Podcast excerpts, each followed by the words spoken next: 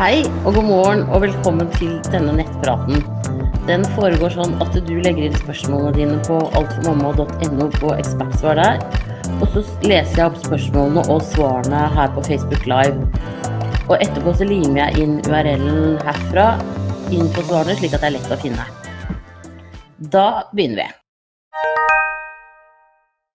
Da er det kvinne 30 som sier Hei, finnes det noen tips og triks mot brekninger ved tannpuss under graviditeten?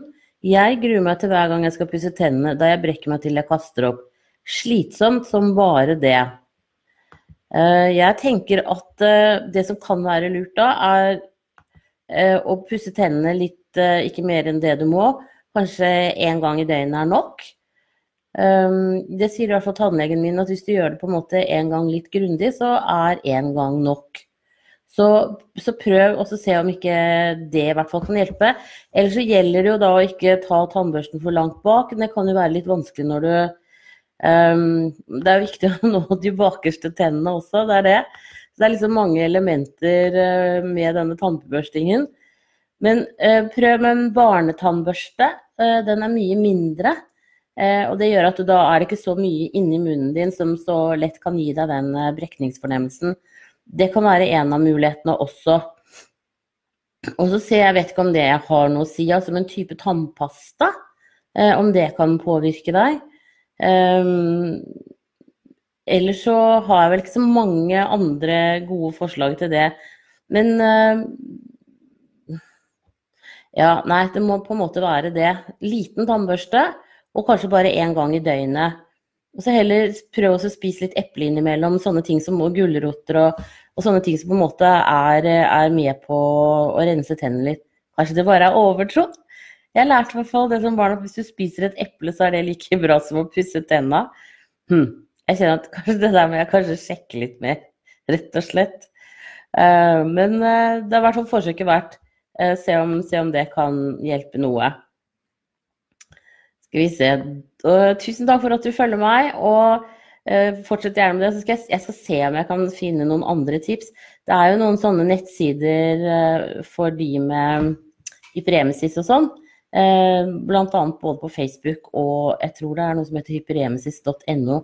Kan hende at det står noen gode tips der.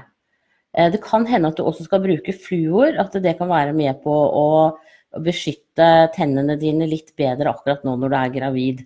Så se om ikke det kan være en løsning også. Da må du ha en strålende dag videre. Ha det bra. Og så er det Molly som sier eh, Samboeren min sover ekstremt mye. Jeg snakker om tolv timer. Hvis jeg ikke står over han og maser på at han skal stå opp Under svangerskapet har det blitt enda verre. Han legger seg etter jobb, før jobb og sover lenge på helg, jobber turnus. Har bedt han sjekke om han mangler noe hos lege fordi han har behov for så innmari mye søvn. Mammaen hans sier at han alltid har vært slik. Jeg syns det er veldig irriterende, spesielt nå som jeg er gravid og selv sover dårlig og kunne trengt å roe ned litt. Men jeg er veldig rutinemenneske, ikke sjanse til å sove lenger enn til klokken åtte. Jeg har spurt han når han synes det er ok at jeg vekker han for å ikke være irriterende, men også for å ikke føle at jeg bor aleine. Han sier at han har det veldig bra, men at han elsker å sove. Han orker ikke å sove med meg nå som jeg er gravid fordi jeg våkner ofte og er på do etc. Dette begynner virkelig å irritere meg kraftig. Uh, fordi jeg blir ensom oppi det hele. Jeg har fortalt han at det gjør meg både irritert og lei meg å lage frokost, sitte klar med den til han, men at han aldri kommer og spiser den før nærmere lunsj når jeg har vært oppe i fem-seks timer. Jeg vet rett og slett ikke hva mer jeg kan gjøre med dette, og hvordan jeg skal få Skal dette gå når vi får baby? Han er veldig irritabel og gørr når han får mindre søvn enn han vil, men ellers verdens fineste kjæreste. Hjelp! Det var ikke noe lett spørsmål, altså. Eh, jeg, jeg, mener, jeg er også enig med deg at tolv timer er ganske mye. Eh, så kan det hende at man skulle ha sjekka stoffskiftet hans. Eh, jeg vet ikke om han snorker, om han kan ha sånn søvnapné, som det heter. Eh, men det betyr at de har pustestans i løpet av natten mens de sover. Det kan han få fastlegen sin og henvise han til et sånn søvnlaboratorium, hvor de måler det hos han. Da sover han der og blir målt en natt, eller hvor lenge han trenger å sove, da. For fordi at tolv timer er veldig lenge, altså. Så jeg ville kanskje spurt om det med søvnapné. Fordi at de personene som våkner ganske mange Eller de våkner ikke, da, men de som slutter å puste i løpet av natten, de blir fryktelig trøtte av det. Eh, så det, det, tror jeg faktisk jeg hadde sjekka. Og også sånn som du sier det med mangel, han kan være lav på hjernen og sånn. Men det skulle jo vært rart om han var det hele livet. Så jeg holder faktisk en knapp på det med å få sjekket eh, søvnkvaliteten hans. For det er klart at hvis han sover dårlig sjøl, og, og, jeg syns jo også det der at han blir irritert at du skal opp og gå på do om natta, men samtidig så er det kjempevanskelig å vekke han, så er det en eller annen sånn uh, mismatch her. Uh, I forhold til måten han sover på, tenker jeg sånn umiddelbart, da. Uh, og ellers så er det jo sånn at man må i et ekteskap, et forhold, så må man jo bare finne seg i en del ting. Men, men, det er klart at når du sitter igjen og føler deg ensom, så er jo ikke det bra, altså. Men er det sånn at han jobber tolvtimersskift, da, siden han sover så himlade mye? Kunne det vært en løsning at han skifta jobb, hvor han eventuelt hadde kortere skift? Um, om, om, det kan være noen sånne løsninger da, som gjør det lettere for dere. Men hør på litt om Alt-forumet på Alt for mamma også. For nå er det åpent igjen. Du har slitt litt med å bli spamma, men det er åpent nå. Og se om det er noen andre som har eh, gode svar. Jeg kan eventuelt legge ut spørsmålet ditt der, jeg også. For det er klart at det, det der er ikke noe enkelt, og søvn er jo superviktig. Eh, så man kan jo på en måte slutte med det heller. Men, men jeg tenker at prøv å finne ut hvorfor han må sove så lenge. Eh, det syns jeg er spesielt, altså. Da må du ha en riktig fin dag videre, og så håper jeg at det løser seg. Kom gjerne tilbake og fortell hvis dere finner en løsning på dette. Ha det bra! Og da er det Mari Høen 83 som sier Jeg er en jente i slutten av 30-årene som har to keisersnitt bak meg pga. treg fødsel. I rapporten fra siste keisersnitt står det at en eventuelt tredje svangerskap må tas med keisersnitt da livmoren er tynn. Dro til gynekolog i forbindelse med en spontanabort i fjor, som så på livmoren med ultralydapparat, og som sa jeg trygt kunne bli gravid igjen. Dro på kontroll hos en annen gynekolog forrige uke, som så på det innvendige arret og bemerket at det hadde dannet seg ufarlige syster hulrom i deler av arret, som følge av tilhelingsprosessen ikke hadde vært helt optimal, og som nå i hvert fall kan gjøre at arret ikke holder gjennom eventuelt ny graviditet. Dette kom helt overraskende på. Hvem skal jeg tro på her, og kan du forklare dette, hva gjør jeg? Jeg er veldig lei meg, for vi har lyst på, veldig lyst på et barn til. Nei, da tenker jeg at det, det, som kan kanskje være en løsning, er jo en sånn uh, kikkehullsoperasjon. Men at du da blir henvist til en av gynekologene på sykehuset som jobber ved føden, uh, som er vant til å se på en måte sammenhengen med en livmor som er uh, til termin, og en livmor som er i en tidlig graviditet, eventuelt ugravid. Um, og så går det noen ganger an å operere på livmoren også. Uh, sånn at du, for å gjøre at du da kan bli gravid igjen uh, seinere. Så jeg syns at du, skal få fastlegen din til å henvise deg til sykehuset. Uh, til en gynekolog der som kan vurdere dette skikkelig. For det er klart at med to så forskjellige svar, så, så, blir man jo frustrert, og det skjønner jeg veldig godt. Så, så, jeg tenker nok at de som så eh, livmoren din sist, på sist keisersnitt, eh, det er nok egentlig den legen som du burde vært til en vurdering hos nå. Men det er ikke sikkert at den legen jobber på det sykehuset lenger, eller at du bor et annet sted, sånn at du ikke har tilgang på den personen. Men, men jeg tenker at dette her er på en måte en, en, eh, en vurdering for sykehuset, eh, hvor de har sett deg tidligere. Hvis det er det beste. Hvis det er mulig. Og så får man bare ta det fra der, og så sier de hva som er en lur måte å gjøre det på. Uh, men, det, men, det, er klart at uh, livmoren er litt mer utsatt når du har hatt keisersnitt før. Og um, Så man skal følge med, liksom. Men uh, ja. Men ta kontakt med fastlegen din, du, og så få utredet dette her nå så fort som mulig. Og så kan du da vite hva du på en måte Hva som er mulig å få til. Eh, om det er mulig å bli gravid igjen, eller om det kanskje ikke er det. Eh, og det er jo sånn, vi er jo vant til på en måte at eh, alt skal gå så bra og enkelt og lett og, og sånn, men noen ganger så er det faktisk helt reelle hindringer for at man kan bli gravid igjen. Og det ser man vel også i forhold til sånn som at, eh, at en del som har kroniske sykdommer, blir gravide, som kanskje skulle ha vært litt forsiktig med det. Men i hvert fall i ditt tilfelle, du har to fine unger.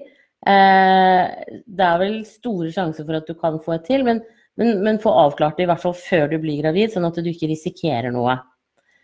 Eh, for en, en, livmor som ikke tåler å bli strukket, det er, er jo ikke så bra.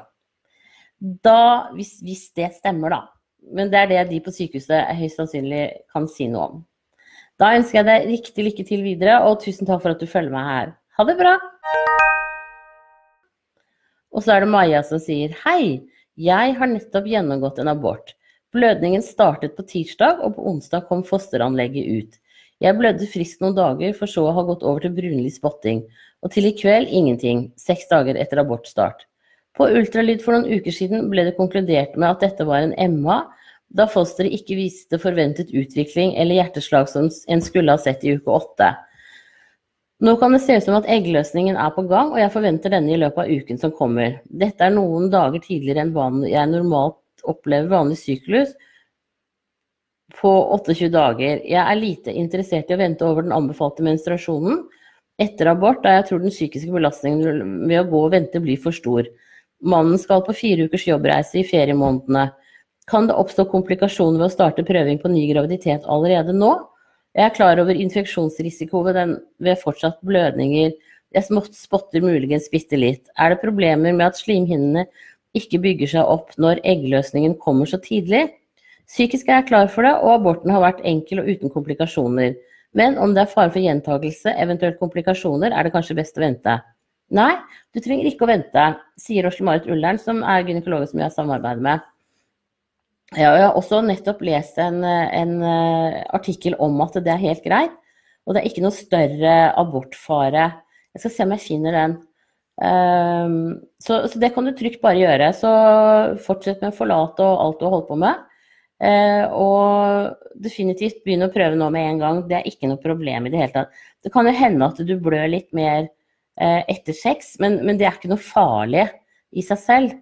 Uh, det kan ha sammenheng med at hvis du får orgasme, så trekker livmoren seg sammen, og da støter den mer ut og, og sånn. Så bare gønn på.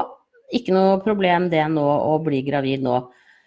Eh, og hvis du har litt flaks, så er det fortsatt graviditetsbevarende hormoner i kroppen din, og det gjør at du lettere blir gravid også. Så da ønsker jeg deg riktig lykke til, og håper at det klaffer raskt igjen. Ha det bra! Og så er det Mari Høne 83 som sier hvordan sikres man mot at livmoren sprekker under svangerskap etter to tidligere keisersnitt? Kan ruptur skje når som helst i svangerskapet og helt uten tilknytning til rier, eller at fosteret er fullvokst? Hva skjer om livmoren faktisk revner? Er det mulig å overleve dette, både for baby og mor? Ja, altså som regel så sprekker ikke livmoren i det hele tatt. Eh, og den eh, to graviditeter, eh, eller altså to keisersnitt, er som regel helt innafor, ikke noe problem. Men det du kunne gjort, sånn som hun tidligere, det er jo også fått fødselsbeskrivelsen fra sist. For ofte så beskriver gynekologen eller obstetrikerne når de gjør keisersnitt, hvordan livmoren din så ut.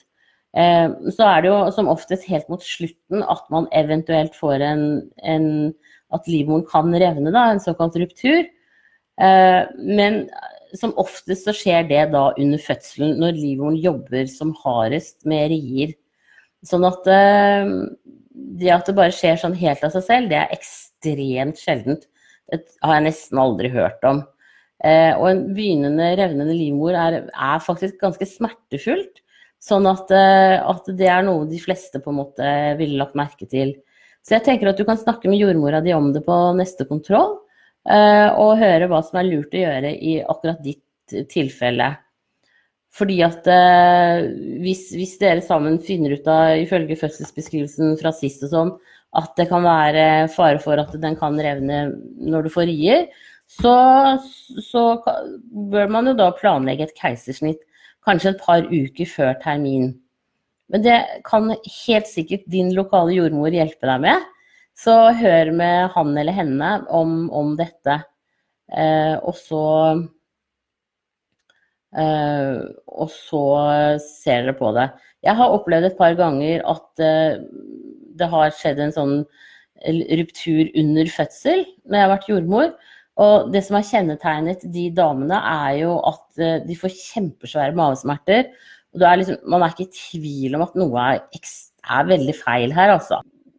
Da snakker vi minutter som man har med å gjøre, eh, i forhold, særlig i forhold til fosteret, eh, men også i forhold til mor i forhold til overlevelse. Eh, for det kan gå riktig galt for begge hvis man ikke blir operert med en gang. Um, ja, så det er ingen kjekk situasjon. Uh, så sånn sett så, så er, Det er jo liksom ulempen med å ha, ha gjentatt eh, keisersnitt, da. Men noen ganger så er det på en måte det man må for å, å føde barn. Eh, og da er jo det bare sånn. Da ønsker jeg deg riktig, riktig lykke til videre, og tusen takk for at du følger med her. Ha det bra! Eh, og så har Mari Høne 83. Hei, enda et lite spørsmål om livmorruptur. Vil livmoren etter et par keisersnitt kunne revne helt uprovosert? Før riene setter i gang, kan det skje i forbindelse med kynnerne. Altså sånn helt rent teoretisk så kan det nok det, men jeg tror det er veldig sjeldent, altså. Som regel så skjer det fordi at, uh, at, du, at du, har ordentlig riarbeid med, med livmoren din. Um, så jeg tenker at uh, helt uanmeldt, det skjer ekstremt sjeldent. Uh, og det skjer i hvert fall ikke før du begynner å nærme deg termin. Jeg håper det var litt beroligende. Ha det riktig bra. Og så er det en som sier Hei, Siri. Er i dag 30 pluss. eh, fem. Jeg har de siste tre dagene opplevd noen underlige med avføringen. Det kommer helt sort avføring, og når jeg tørker meg, er det helt oransje. Og det ligger oransje fettdråper i toalettet. Ingen smerter eller ubehag i forbindelse med dette. Skal sies at jeg går på jerntabletter 65 mg pga. lav HB. Gått på dette siden mandag. Skjønner at den sorte fargen er en bivirkning, men det står ingen plass at dette oransje fettet som kommer, er bivirkning. Har dette noe med svangerskap å gjøre? Jeg har vært på ferie i Spania en uke og kom hjem nå på lørdag. Om dette skal ha noe med saken å gjøre. Takk for fin side.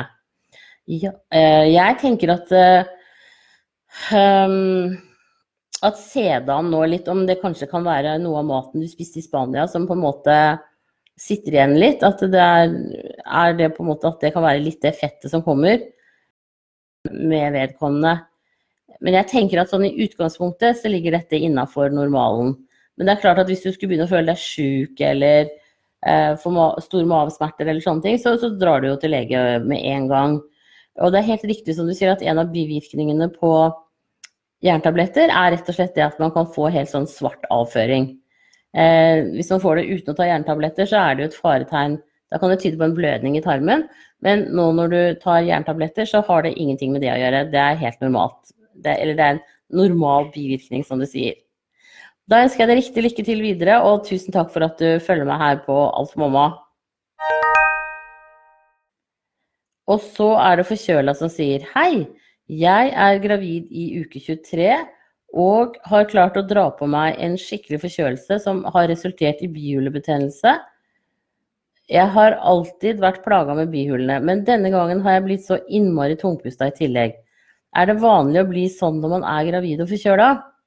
Ja, det, det med tungpustheten, det har med graviditeten å gjøre. Det er både hormonelt, som gjør at lungekapasiteten din er dårligere. Eh, og så er det etter hvert som livmoren stiger opp, så skviser den liksom litt lungene.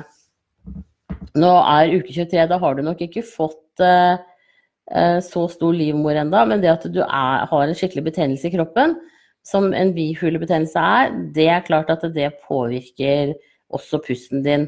Men jeg tenker at du burde kanskje ta en tur til fastlegen og så bli lytta på, og eventuelt vurdere om du kanskje skulle fått antibiotika. Fordi at eh, det er mye vanskeligere å bli kvitt en bihulebetennelse når du er gravid enn ellers. Og det er fordi at uh, du allerede har hovne slimhinner i kroppen Og det gjør det enda vanskelig altså, Da er du liksom på en måte hoven i bihulene og i nesa og hele veien. Og det gjør det vanskeligere å bli kvitt en bihulebetennelse.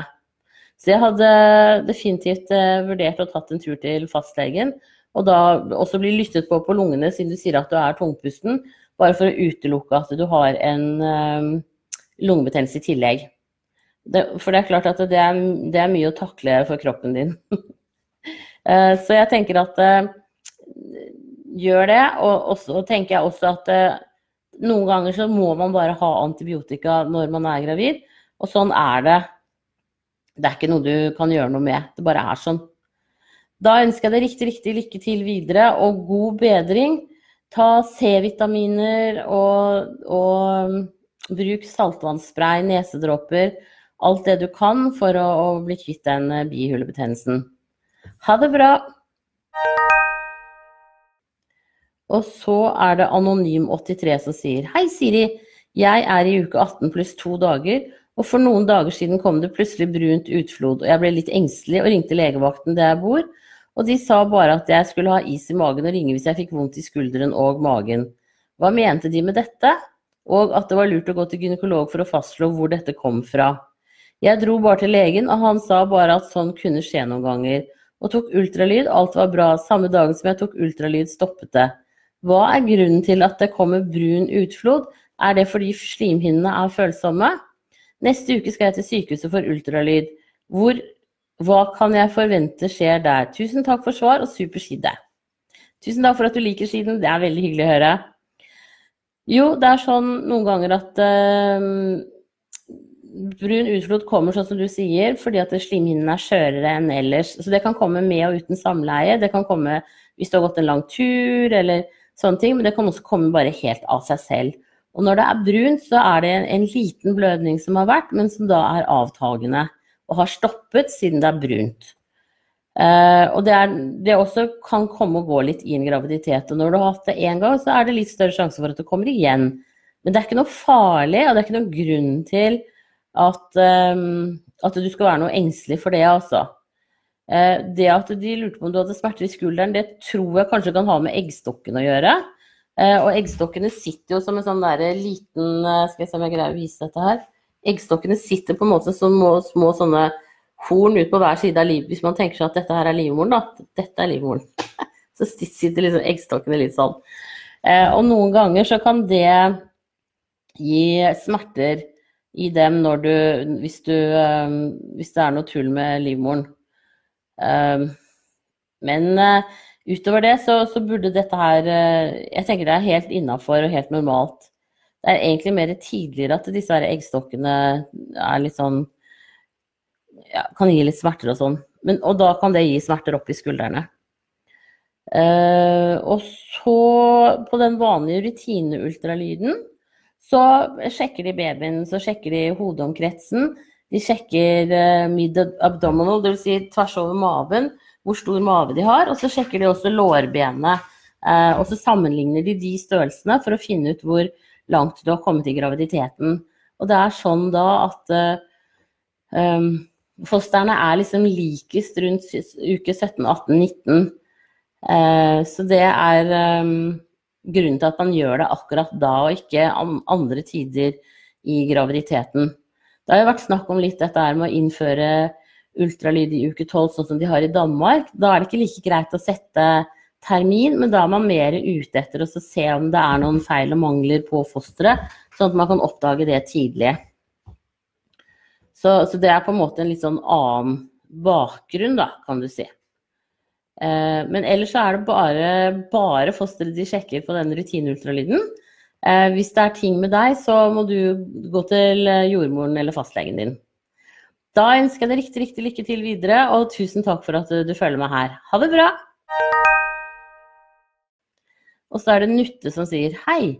Min datter er gravid i uke 15, første graviditet, og sier at fosteret har flyttet seg fra venstre side over til høyre side. Er dette mulig, og er det normalt? Det er helt mulig, og det er helt normalt. Eh, livmoren er som en liten sånn ballong hvor babyen kan svømme helt fritt. Den er liksom forankret til morkaka den, som sitter et eller annet sted i livmoren. Eh, men der er den forankret med navlesnoren. Og navlesnoren vokser i lengde sånn proporsjonalt med fosteret, og det er for at ikke fosteret skal kunne snurre seg inn i den, og dermed kutte av, av tilførselen til seg selv. Så de svømmer mye rundt. De kan gå fra høyre til venstre og fra opp til ned. og Det er helt normalt og ikke noe å være noe bekymra for i det hele tatt. Da ønsker jeg deg riktig lykke til videre som kommende bestemor. Ehm, det er helt sikkert en utrolig fin opplevelse. Ha det bra! Og så er det HCG Nevås som sier Hei, Siri. Jeg har slitt med å beholde graviditet, men nå ser det ut som det går den rette veien. Hurra! Jeg har mistet fire ganger, så håper denne holder. Er fem pluss to i dag. Men jeg lurte på, hvor vanlig er det at man drar på legekontoret for å sjekke HCG-nivå? Kan jeg be om den blodprøven uten å ha vært inne hos legen først? Takk for en super side. Det kommer helt an på hva slags legekontor du går på. Eh, men jeg vil jo tro at du har vært en del hos legen, at de kjenner deg godt. Og at det burde ikke være noe stort problem å gå og få bare uh, sjekket HCG-nivået. Så ring oss og snakk med dem nå i dag. Når, ofte så har de jo telefontid sånn på formiddagen. Ring oss og snakk med dem, og hør om det er mulig at du bare kommer inn og sjekker HCG i dag eller i morgen. Og så at du da kommer tilbake om to til tre dager og få sjekket igjen for å se om det er stigende. Og det syns jeg ville være helt normalt. Uh, det du også burde vært sjekka for, er jo om du kan ha noen koagulasjonsforstyrrelser i blodet eller høyt eller lavt stoffskifte. At man begynner å se på årsakene til at du faktisk har mistet fire ganger allerede. Eh, så du burde egentlig ha vært på sånn genetisk veiledning eh, for at man kunne sett på det. Men nå krysser vi fingrene for at det går bra denne gangen. Eh, du kunne jo hørt med fastlegen din om du skulle ha tatt noe Albyl E eller sånn i en periode nå. Det er sånn i tilfelle du skulle hatt en koagulasjonsforstyrrelse. Så er det ofte det som hjelper. Eh, men begynn med å sjekke HCG-nivået, så kan dere legge en plan eh, videre også etter hvert. Alternativt at du tar en tur til jordmor. Det kan du godt gjøre ganske tidlig. Og det kan jo være greit å ha fått en jordmortime nå før sommeren. Eh, de nye reglene tilsier at man skal ha, få, få, tilgang på jordmor innen en uke etter at man har bestilt time. Det er ikke helt gjennomført over hele landet. Men det er ikke noen grunn til at man skal, ikke skal eh, etterlyse det heller, da. Eh, sånn at jeg tenker at hør, hør, om hvis, hvis, du ikke får det, så, så, har du faktisk krav på det. Da ønsker jeg deg riktig lykke til videre, og så får vi krysse fingrene for at det går bra denne gangen. Og tusen takk for at du liker sidene mine. Ha det bra! Og så er det Anniken som sier Hei, Siri. Hvilke gravide vitaminer anbefaler du? Brukt Nyco pluss lilla pakke før og vet om Lifeline Care gul pakke. Disse har forlat, men ser ikke innhold av jod. Har du noen å anbefale? Takk for svar. Men jeg tenker at de som er lurt å ta, er de som inneholder både eh, forlat og jod. Så sjekk, det kan du sjekke på nettet også, eh, om, om, hvem av dem som har det. Jeg lurer på om eh, Veifa pleide å ha men jeg er litt usikker på om de fortsatt har gravidevitaminer. Men hvis du googler gravide Eller det heter kanskje ikke det heter, Ja, det heter sikkert vitaminer for gravide. Hvis du googler det, så kan du jo se på de forskjellige før du går på apoteket og ser hva, hvem som har hva. For det er klart at de, de viktigste stoffene er, nå faktisk er både jod og forlat. Det du også kan gjøre, er jo å å gå til fastlegen din og få sjekket eh, status på vitaminer og mineraler, for å se om det kan være noe du er lavere på enn andre, og noe du eventuelt skulle ha tatt tilskudd av. Da ønsker jeg deg riktig, riktig lykke til videre, og husk å ta gravide vitaminer, eller sånn vitaminer eh, gjennom hele graviditeten, og faktisk til du er ferdig med å amme. Ha det bra! Da var det dagens siste spørsmål, så nå avslutter jeg denne direktesendingen. Den ble delt i to fordi at jeg mista linja plutselig. Eh, så, så, jeg limer inn eh, første og andre del i forhold til hvor eh, langt de har kommet i, i spørsmålene her. Og hvis det kommer inn noen flere spørsmål disse siste minuttene, så, tar, så svarer jeg skriftlig på dem. Men alle skal få svar. Da ønsker jeg dere en strålende dag videre, og ha det bra.